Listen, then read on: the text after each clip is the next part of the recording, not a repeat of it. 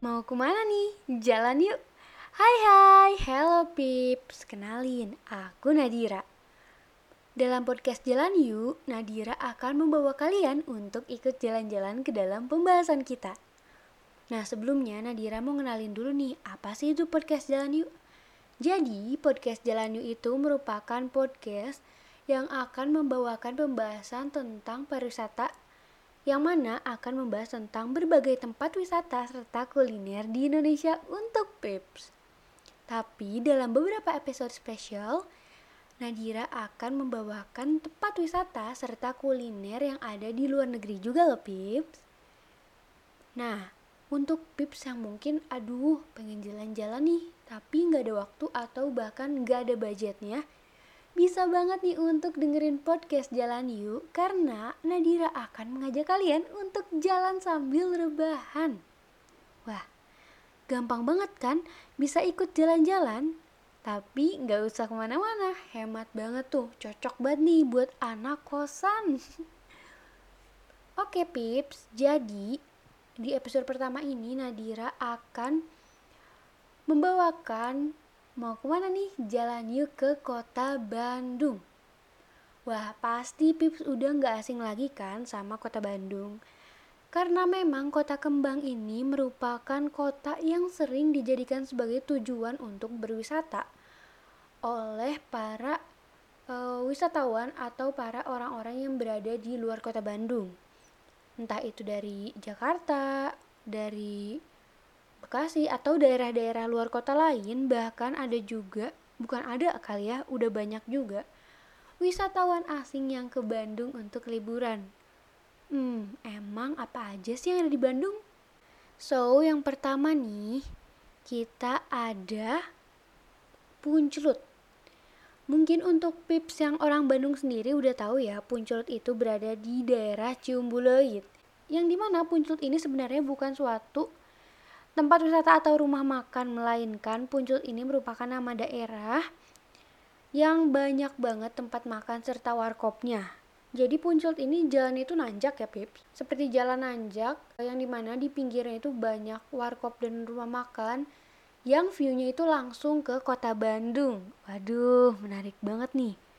Cocok banget buat Pips datengin bareng gebetan atau pacarnya nih. Karena kalau didatengin malam hari itu dan langsung ngeliat view kota Bandung ya dengan lampu-lampu cantik itu.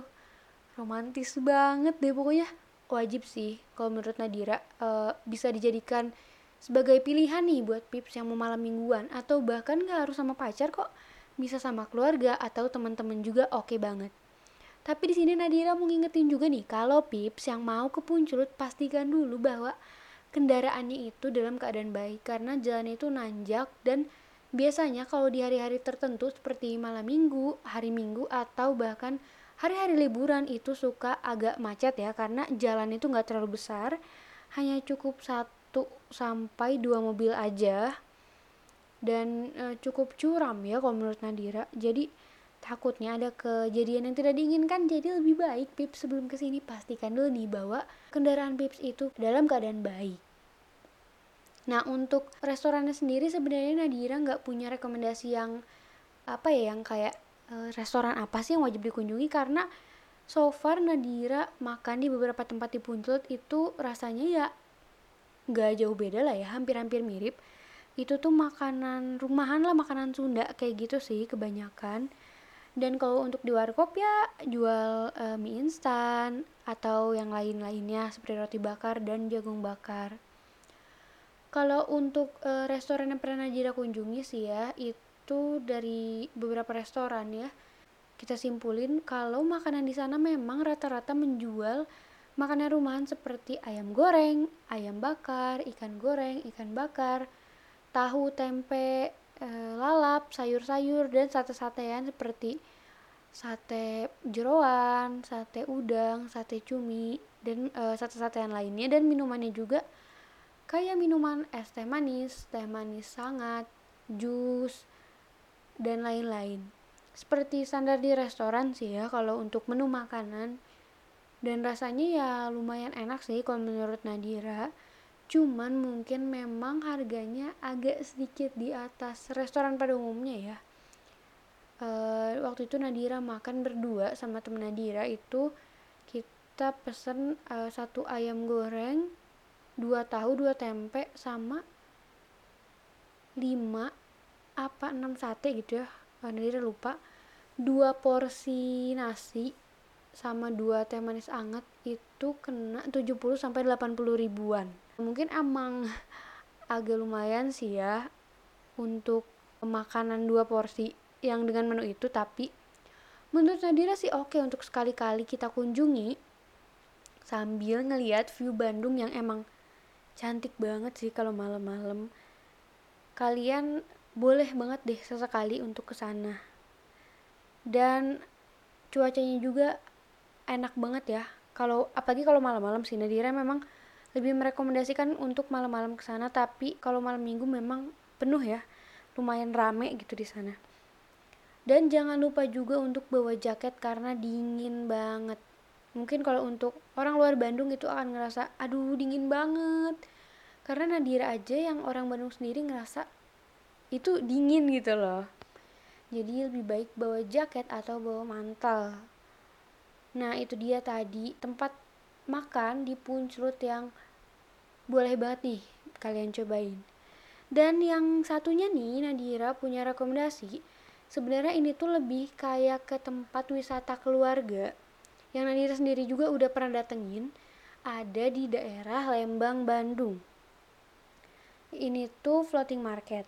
Nah, floating market itu sebenarnya udah ada cukup lama ya, udah dari beberapa tahun lalu dan mungkin kalau beberapa pips yang udah pernah ke Thailand mungkin akan nyangka kalau floating market yang Nadira sebutin ini floating market Thailand tapi bukan pips ini ada juga di Lembang Bandung floating market Nah, di floating market ini cocok banget untuk didatangi bersama keluarga. Kenapa? Karena di floating market ini banyak banget wahana yang bisa dikunjungi sama anak kecil. Ada taman kelinci, dan di sana juga bisa ngasih makan kelinci secara langsung. Sebenarnya memang enggak cuman anak-anak aja yang bisa, tapi untuk remaja atau bahkan eh, ibu-ibu dan bapak-bapak mungkin yang pengen ngasih makan kelinci-kelinci gemes juga bisa banget nih. Dan di sana itu ada suatu apa ya seperti objek foto yang di mana nanti Pips bisa menggunakan kimono Jepang dan foto di tempat yang berlatar belakang itu bertemakan Jepang. Waduh, Keren banget nih kan Pips. Liburan di Lembang berasa di Jepang. Low budget banget nih kan. Cocok banget nih buat Pips yang pengen update-update di sosial media. Dan gak hanya itu aja sih menurut Nadira spot fotonya karena di floating market ini banyak banget apa ya kayak wahananya dan tempat-tempatnya.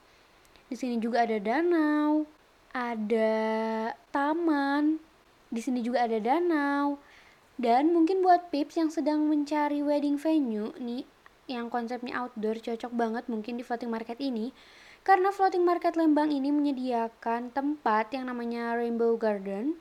Tempatnya ini memang didukung dengan pemandangan alam sekitar yang bakal membuat pernikahan itu makin indah dan makin berkesan. Cantik banget sih, apalagi kalau misalnya didekor dengan bunga-bunga.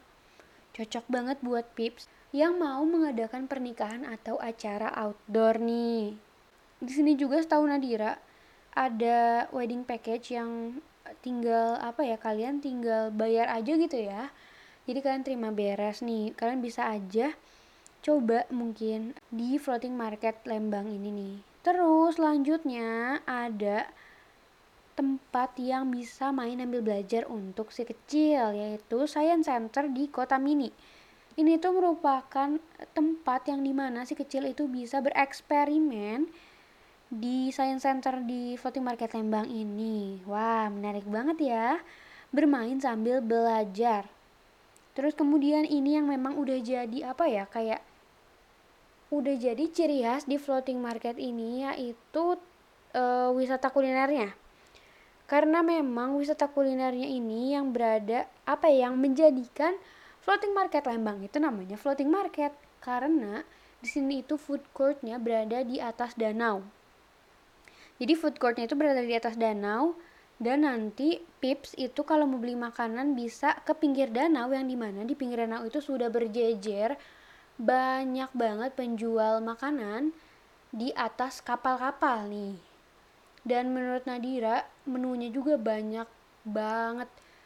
Mungkin Pips kalau misalnya jalan dari ujung ke ujung itu sampai bisa bingung karena harus pilih makanan yang mana, harus pilih minuman yang mana karena memang e, bener-bener banyak gitu loh pilihannya banyak banget dan setelah Nadira beberapa kali ke sana nyoba berbagai e, berbagai menu yang ada di sana itu rasanya enak-enak sih.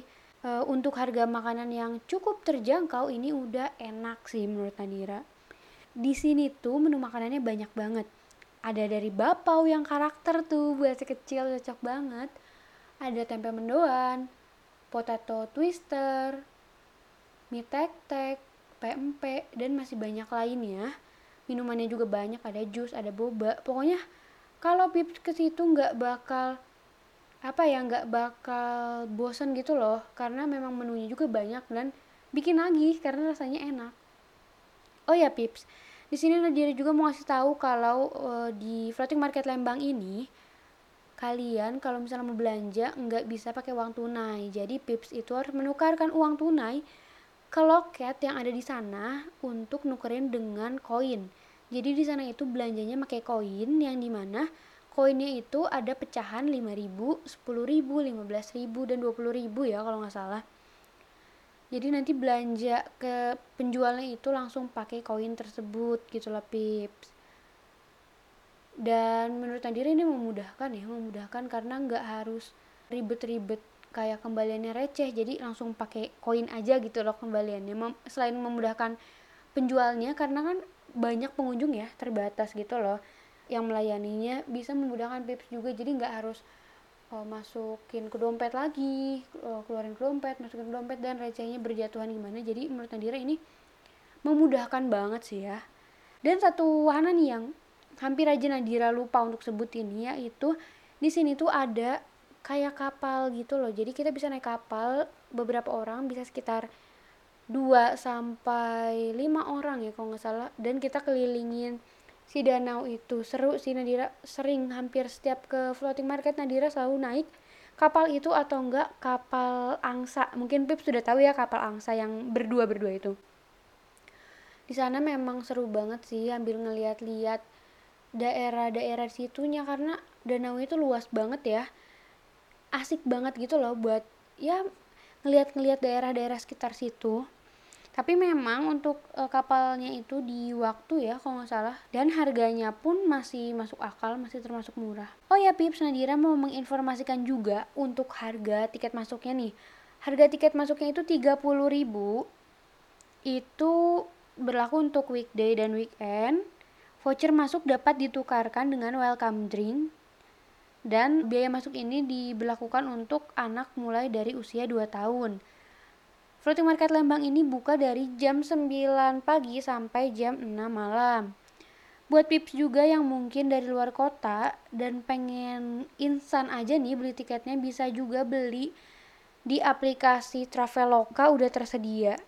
Dan sekarang untuk di masa new normal ini, Pips bisa free new normal kit yaitu hand sanitizer serta face shield setiap pembelian satu voucher masuk floating market Lembang dengan transaksi menggunakan BJB Digi Cash. Itu periode 1 Oktober sampai 31 Desember ya Pip. Terus juga buat Pip yang pengen Lembang City Tour bisa banget karena Floating Market Lembang ini menyediakan apa ya namanya? Kalau di Bandung itu namanya bandros ya. Bukan bandros makanan ya Pips, tapi bandros mobil untuk city tour. Di sini tuh kena biaya 25.000 pulang pergi. Rutenya itu Floating Market Lembang, Tahu Susu Lembang, Farmhouse Lembang, dan The Great Asia Afrika. Wah worth it banget sih kalau menurut Nadira untuk harga 25.000 pips bisa keliling-keliling nih. Terus juga di sini ada nih ya Nadira baru tahu kalau ternyata sekarang itu udah ada miniatur kereta api. Di sini dikenain biaya 20 orang per tiket ya dan lokasinya pun apa ya rutenya pun lumayan panjang ya di daerah floating market ini. Karena memang floating market Lembang ini pun luas banget. Luasnya tuh yang luas gitu loh. Jadi kalian cuma jalan-jalan di floating market aja itu udah bakal ngerasa puas banget. Dan sehari keliling floating market tuh cukup melelahkan sih karena memang luas banget. Dan sekarang itu udah banyak tempat-tempatnya. Jadi kayak sudah banyak spot-spot foto baru. Yang Nadira itu kan udah berapa ya? Udah cukup lama sih sebenarnya ke sana. Udah sekitar satu tahun ke belakang. Pokoknya sebelum pandemi ini Nadira ke sana. Dan sekarang ini udah banyak banget tempat wisata baru yang keren banget deh pokoknya. Ini bisa banget untuk dikunjungi uh, pips untuk ke sana nih. Oh iya dan tadi kan Nadira sempat mention ya kalau di sana pips bisa ngasih makan kelinci dan sekarang pun bisa ngasih makan domba juga sini ada dan pips nggak usah takut ya karena di sini memang kebersihannya itu dijaga banget dan kalau untuk sekarang kita datengin ke sana itu udah menggunakan atau e, melakukan protokol kesehatan yang udah baik banget, udah sesuai dengan standar pemerintah nih Pips. So buat Pips yang mungkin pengen liburan nih ke sana bisa banget langsung kunjungi Floating Market Lembang di Jalan Grand Hotel nomor 33E Lembang, Jawa Barat, Indonesia. Oh ya buat Pips juga yang pengen kepoin bisa langsung ke Instagramnya Floating Market Lembang di floating.market.lembang karena di sana juga Pips bisa langsung lihat tempat-tempatnya karena di sana banyak banget foto-foto tempat-tempatnya yang bikin Pips makin pengen ke sana. Aduh, ini memang bener-bener keren sih Pips cocok banget nih buat temen-temen yang pengen datang atau liburan ke Bandung harus banget didatengin ke Floating Market Lembang nih. Wah, nggak kerasa nih udah berapa lama nih ya Nadira nemenin Pips di sini ngasih tahu dan ngajak Pips jalan-jalan ke Bandung. Kayaknya harus sampai sini dulu deh Pips perjumpaan kita. Maaf ya kalau misalnya di episode pertama ini Nadira masih kurang oke okay untuk menyampaikan tempat wisatanya karena ini merupakan podcast pertama Nadira. So, Pips bisa banget nih yang mau ngasih saran atau mau request tempat wisata apa sih yang pengen Pips ikut jalan-jalan lagi. Yuk, Pips bisa DM Nadira di at mkn.jalan di Instagram. So Pips, thank you banget nih udah dengerin Nadira di Jalan Yuk. Sampai bertemu di episode selanjutnya. Bye-bye.